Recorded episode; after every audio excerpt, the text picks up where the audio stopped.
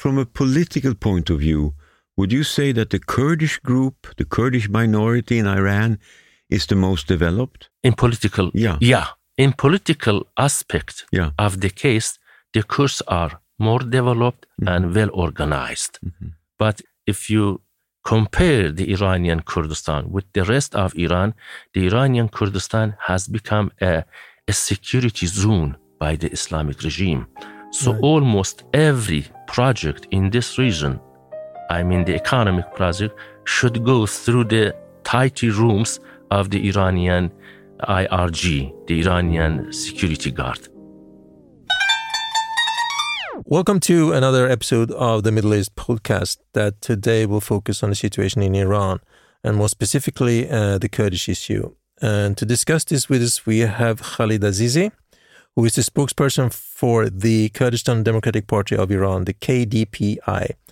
And he is with us here today in Stockholm to discuss these recent upheavals in Iran and the general situation uh, of the Iranian Kurds. So, Khalid, very welcome to the Middle East podcast. Thank you so much, Magnus. I, I do appreciate this opportunity to speak to you. Great. So let's start with the ongoing demonstrations and the deadly violence to suppress this the opposition. Hundreds of people have been killed, thousands arrested and beaten, and though there's no way to know the exact numbers, of course. Now, what do you see as the re- the, the main difference between the current protests compared to the upheavals in, for instance, 2019 and 2017 and 2009?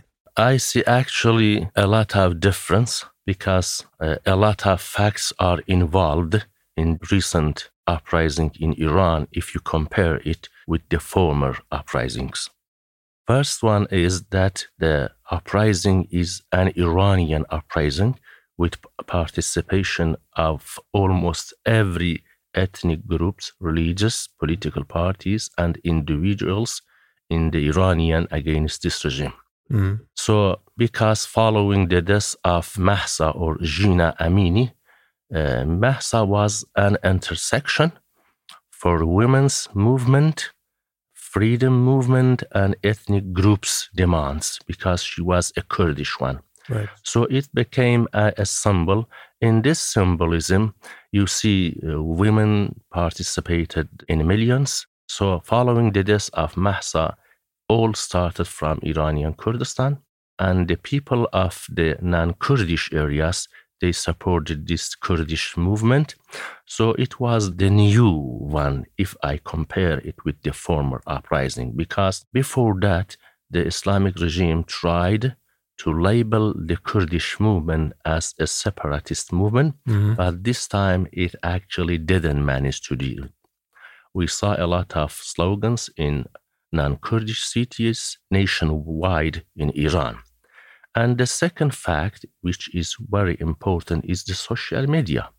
Social media played a big part, following the social media's role in this uprising. So the Islamic regime cut the access of people to social media and internet. Mm-hmm.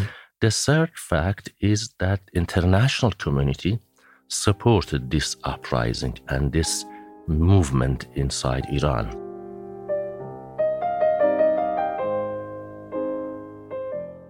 So, Khalid, your party, the KDPI, was formed already 1945, but has been outlawed by the regime and branded as a terrorist organization. And over the years, the authorities have assassinated several leaders and members, and you yourself have been affected. So, how would you describe the present strength of your organization? And what role does the KDPI play in the current struggle against the rulers? The philosophy of the KDP, which was established in 1945, was not an armed struggle. So the KDP is a product of a civilian movement during the World War II in the province of Mokrian in Iranian Kurdistan. So following that, the KDP has been in good contact with other non-Kurdish political parties in Iran. Our struggle actually is based on respecting human rights according to the charters of international law and respecting the values of democracy in Iran, and in continuation to establish a non religious government in Iran. Why a non religious, actually? We believe uh, in that religion should be separated from governing, so no law should be come to power according to the religious values. And uh, we, our party, uh, have good relationship with other political parties in Iran. I mean, both Kurdish and non-Kurdish. Following the Iranian revolution, we had uh, negotiation with the Islamic regime. So Islamic regime didn't believe in finding a peaceful solution to Kurdish people in Iran. That's why they attacked the Iranian Kurdistan. So people of Iran, they were armed. I mean, all, all people following the revolution. But in Iranian Kurdistan, the Islamic regime didn't tolerate the Kurdish people who were armed. But in the other cities of Iran, they were organized in the IRG and other militia groups which were supported by Islamic regime. That's why the Kurdish people didn't have any option than defend themselves. So the, the civil war continued for many years and it resulted in organizing the armed Kurdish people under the name of Peshmerga. Mm. But right now, we don't believe in any armed struggle. And following the demonstration in Iran and Kurdistan, we always tried that shouldn't allow the Islamic regime to turn this peaceful demonstration into violence. Why? Because the Islamic regime is a product of revolution, is a product of crisis, is a product of uh, actually violation. So, still, this regime is trying to turn the peaceful movement in Iranian Kurdistan into violation and create a possible warfare in the borders between Iranian and Iraqi Kurdistan. Mm.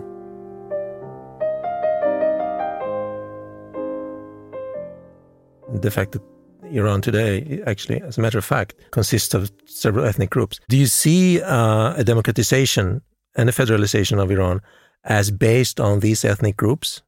Democratization is actually something else than federalization, mm-hmm. yeah, exactly. in, that, from my point of view.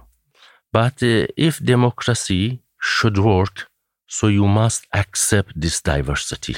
Mm. And we believe every individuals in Iran, according to the Iranian constitution, should given their democratic rights. Mm. Then when we come to the to the collective identity of people, which in this case I mean Kurdish people and other ethnic groups, they also must have some space some places in the Iranian constitution. Mm. And the, the second one should be based on, on, the, on the agreement because you can't uh, tell people that we're going to give your ethnic uh, rights when we have established democracy in Iran. Mm. I mean, prior to democracy, there should be some level of agreements, as it was the case in Iraq. Right. In Iraq, that it is working not because it's not because of democracy. I believe democracy in Middle East take a lot of time.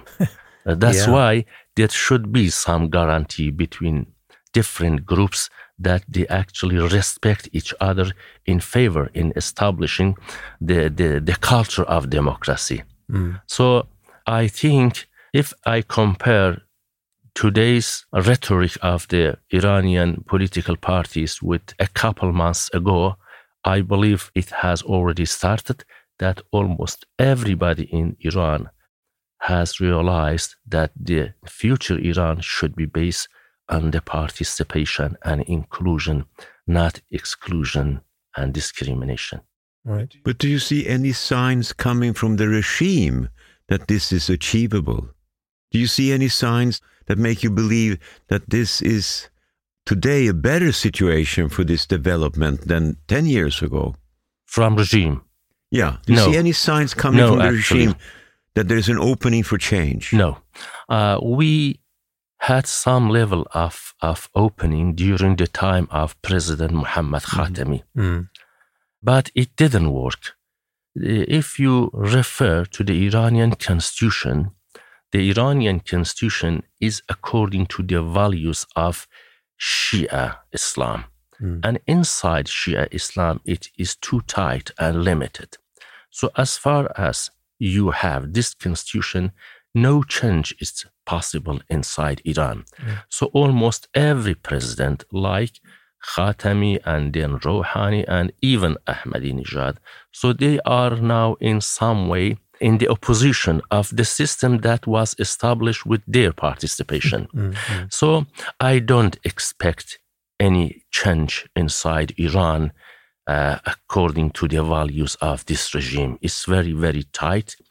Uh, they have different institutions in Tehran, but all those institutions are in favor of to keep alive this Islamic regime under leadership of the Khamenei right now. Mm-hmm. No, no, I don't see actually any prospect for any possible change in Iran under the Islamic regime right now. So, what would you say that you hope for? What do you hope today will happen that would bring some light? Uh, first, I believe that revolutions uh, can't continue forever. And the regimes who are which are a product of revolution can't run forever, regardless the ideology of this revolution. Second, I believe the Iranian people they are fed up with this regime. Third, the regime is totally uh, it's misfailure regime is a failure system because if, of mismanagement, corruption, and the Islamic uh, revolutionary idea, which is not accepted in the region and in the world. And this regime is a product of state terrorism. So this regime is not reliable.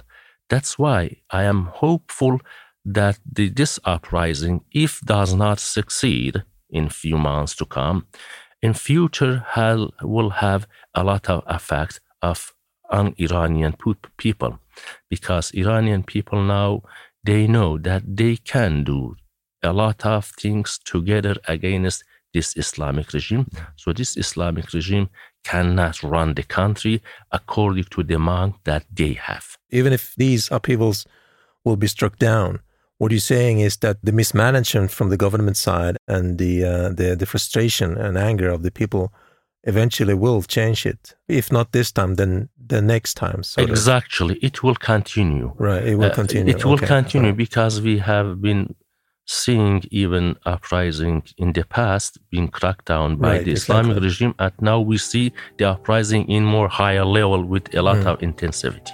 Mm. Okay. Let's go back to the diversity of Iran.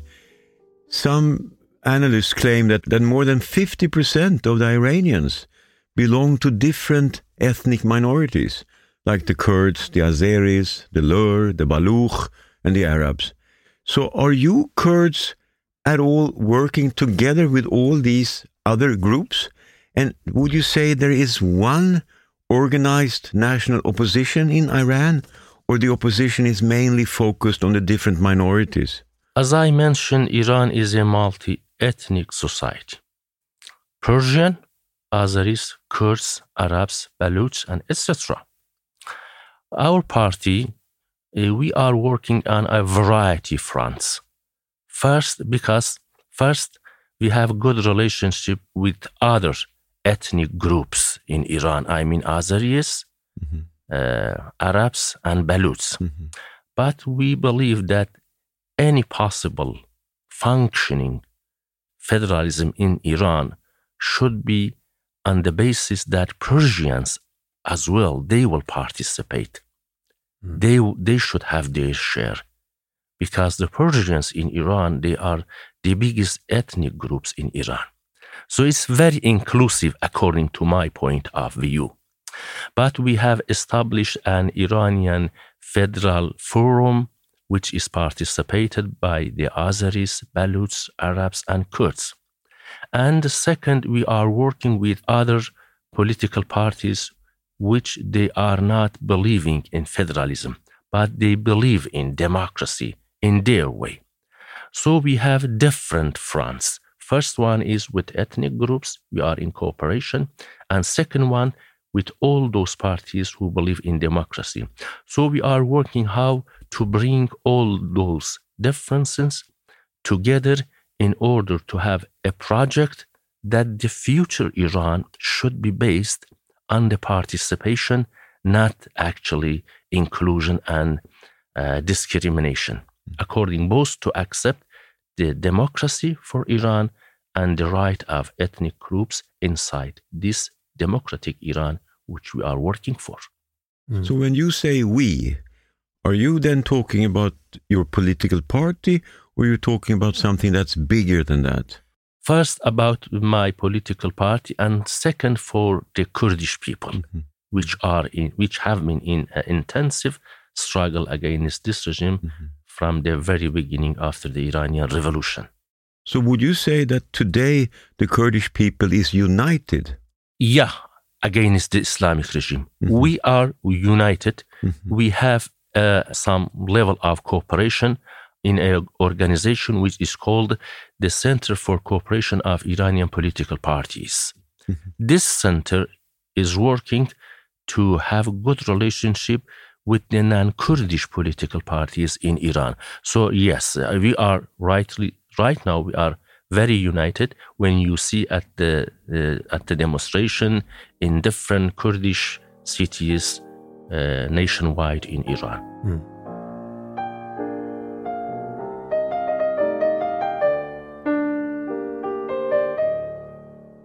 On that note, uh, in the region, I mean, there are what 30 million Kurds, uh, something like that, in in Turkey, Syria, Iraq, and Iran.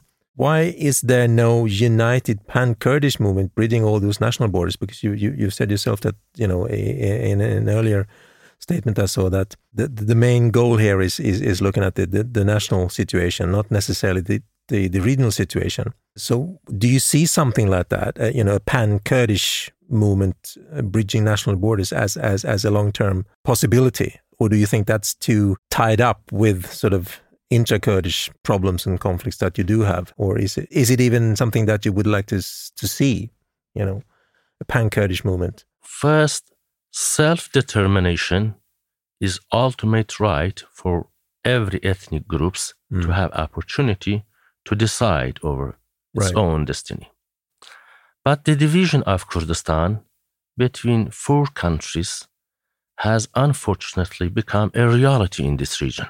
Mm. According to this reality, in my point of view, I believe that every part of Kurdistan in the spatial country that they are living should try to have some solution which is based on the solution inside those countries. Right, right.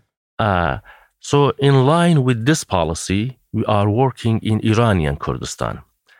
Uh, I believe it's not possible right now for all Kurdish section in different countries to be united and working for a pan Kurdish state no. because of the geographical situation in, in the Middle East. Mm-hmm. And the, the, the history has already shown it. We see the case of Iraqi Kurdistan when they actually uh, had referendum couple years ago and more than 90% of the Iraqi Kurdistan people voted for er, for having independence, yes. yeah, but yeah. it didn't work no. because the, uh, when you come to the to the establishing a pan Kurdish state, you see the demography around yourself very very hostile, mm. so it does not work. Right. So I believe if we manage to establish democracy in each country, I mean in Iran, in Iraq, Turkey, and Syria, probably we, we will enter to the first phase that Kurdish people will establish a good relationship with Turks, with Persian, with Arabs, and we, through the process of democracy, it will become a culture. And following that, if Kurdish people uh, will take the opportunity and raise an independence. So it should be inside those countries. I mean, right. independent from my point of view. If would be the case, it should be about the Kurdish independent in Iran, not outside Right, that. right.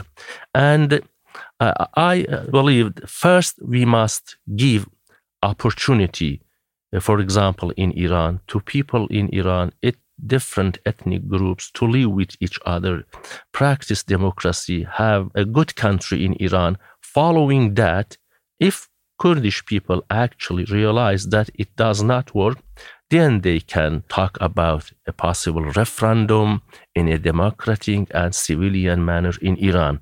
Probably when you have democracy in Iran, everybody is satisfied. The Kurdish people don't need to think about separation and establishing their own state. I mean, in the in the mm-hmm. geographic entity of Iranian Kurdistan.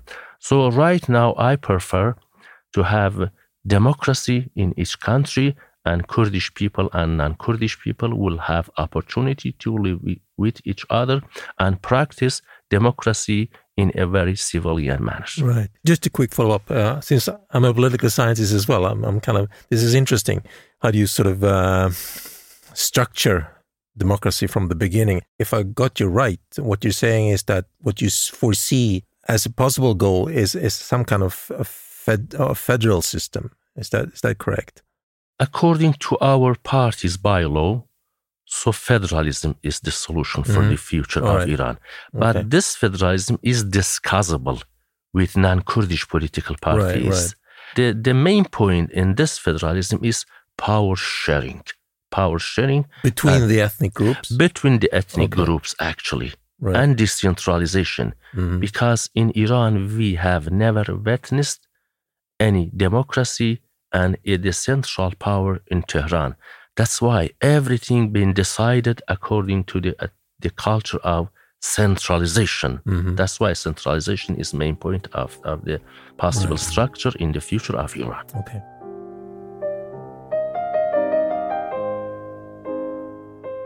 From a political point of view, would you say that the Kurdish group, the Kurdish minority in Iran, is the most developed? Uh, in political, Yeah. yeah, in political aspect Yeah. of the case, the Kurds are more developed and well organized. Mhm. But in if you compare the Iranian Kurdistan with the rest of Iran, the Iranian Kurdistan has become a, a security zone by the Islamic regime. So Right. almost every project in this region, I mean the economic project, should go through the tighty rooms of the Iranian IRG, the Iranian security guard. So yeah, So what you're saying is that the group that people in the you know, the regime in Tehran is the most afraid of is the Kurds. regime. You mean Yeah. regime? Yeah, the Islamic regime. Yeah. Yeah. because we are well organized Right. in comparison So you with are the, the rest big threat in some ways. Yeah, that's uh, and the Islamic regime is trying to give a picture from uh, the Kurdish issue and Iranian Kurdistan to the rest of Iran that Kurds are looking for separatism, Right. Mhm. separation. Right, right. Uh, so that's why Mhm. Islamic regime has been since the the start of this uh, demonstration and uprising trying to divert attention Mhm. among the Iranian Mm-hmm. people as far as is concerned to the Iranian Kurdistan. Okay. What, what you're saying is also, if I got you correct uh, earlier here, is that they are failing in this this time. You know, because you do have this is a nation, nationwide upheaval. You Absolutely. know, so the regime has failed in its efforts to try to you know divert. Yeah, Yeah. okay. Right. Right. exactly.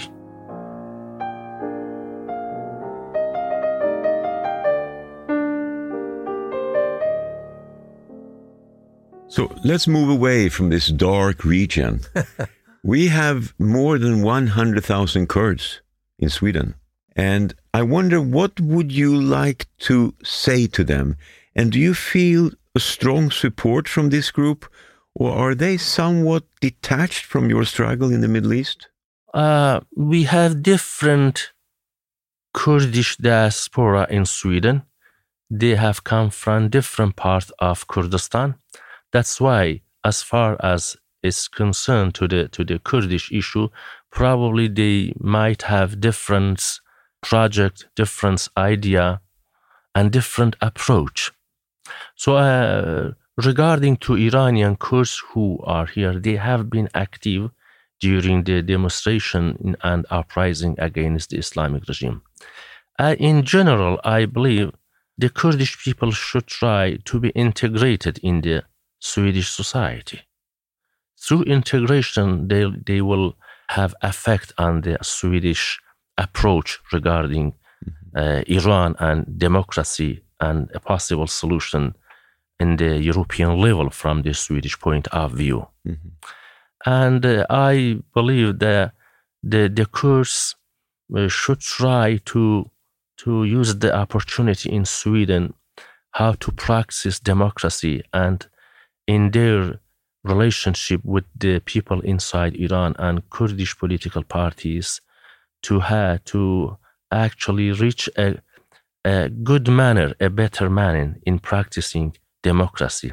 So Sweden, uh, I, am sure that will will offer a lot of opportunities to these people, and because we see the Iranian diaspora, almost they are everywhere in in Europe and United mm-hmm. States, and they have become a big fact in supporting this democracy movement inside Iran. Mm-hmm. I have a Kurdish friend who says that among the Kurds from these four different countries, the Iranian Kurds are much more nationalistic. They would return all of them to Iran if Iran developed into a democracy. In other words, he pointed out to me that there is a difference between the Iranian Kurds and the Kurds from Syria, Iraq, and Turkey. Do you agree with that? If I start from the second question, uh, it's obviously we see differences between Kurds from different countries. Because when you live in Iran, through time, you will be affected by the culture of Iran. And it's, it's the same case even in Turkey, in Syria, in Iraq. So it's very, very natural that, that you will have some, some values which is based on the Iranian or Iraqi or Turkish or Syrian values. If, uh, if we have a democratic Iran, I believe them not the majority, but a lot of people will return to Iran. Many of them are uh, skilled people, have been having opportunity to study in Sweden. They have been working in the Swedish society, and I am sure that their participation in uh, rebuilding Iran would will have good effect in mm-hmm. future. Mm-hmm. Continuing this uh, this this this this topic for a while, uh, I mean, you met several political leaders across the board. I mean, not only here in Sweden, but when in in your travels. Uh, what would you like the uh, uh, well? First of all, of course, the new Swedish government to do when it comes to Iran, and more generally, uh, the EU on the EU level. What would you like them to do? What could they do? You think in order to help the Iranian people right now? What would be your message? First, I hope that Swedish government as well as European government especially EU, when they talk about Iran, so Iran is not about just nuclear project. Right. Because Iran has taken almost the international community hostage by using the nuclear case as a card. And this game will continue forever because uh, Iran is not a reliable system. You should never rely on Iran, even when you sign any agreement. Second, if you cross over from this definition that Iran is not about nuclear case, then the people of Iran should be involved.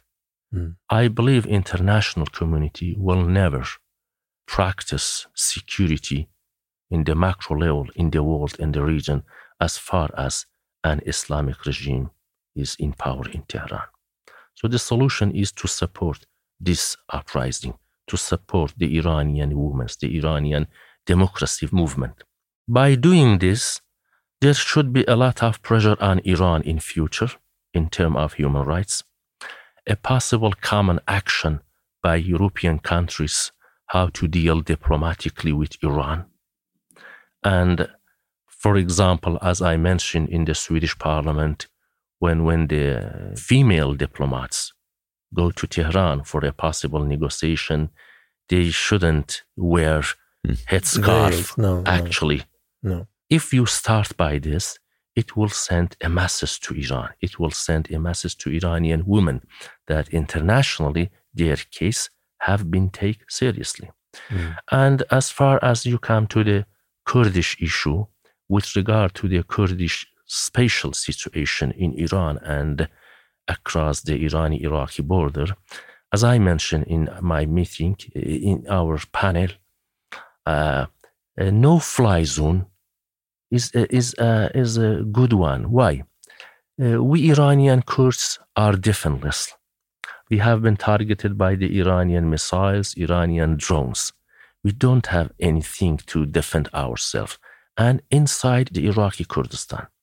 So it has been, they have actually violated the Iraqi sovereignty. When we see that Iraq, Iraq cannot defend them itself, then it's the obligation of United States and international community to send a message to Iran that is not be allowed Mhm. Using using missiles across the Iranian border, so it will become an international issue. So I hope that Swedish government and the level of European will, will do something in this regard. And as I mentioned, the social media playing a big part. Hmm. So providing Iranian space with internet access, it would be a good idea. It would be a great revolution against this Islamic regime.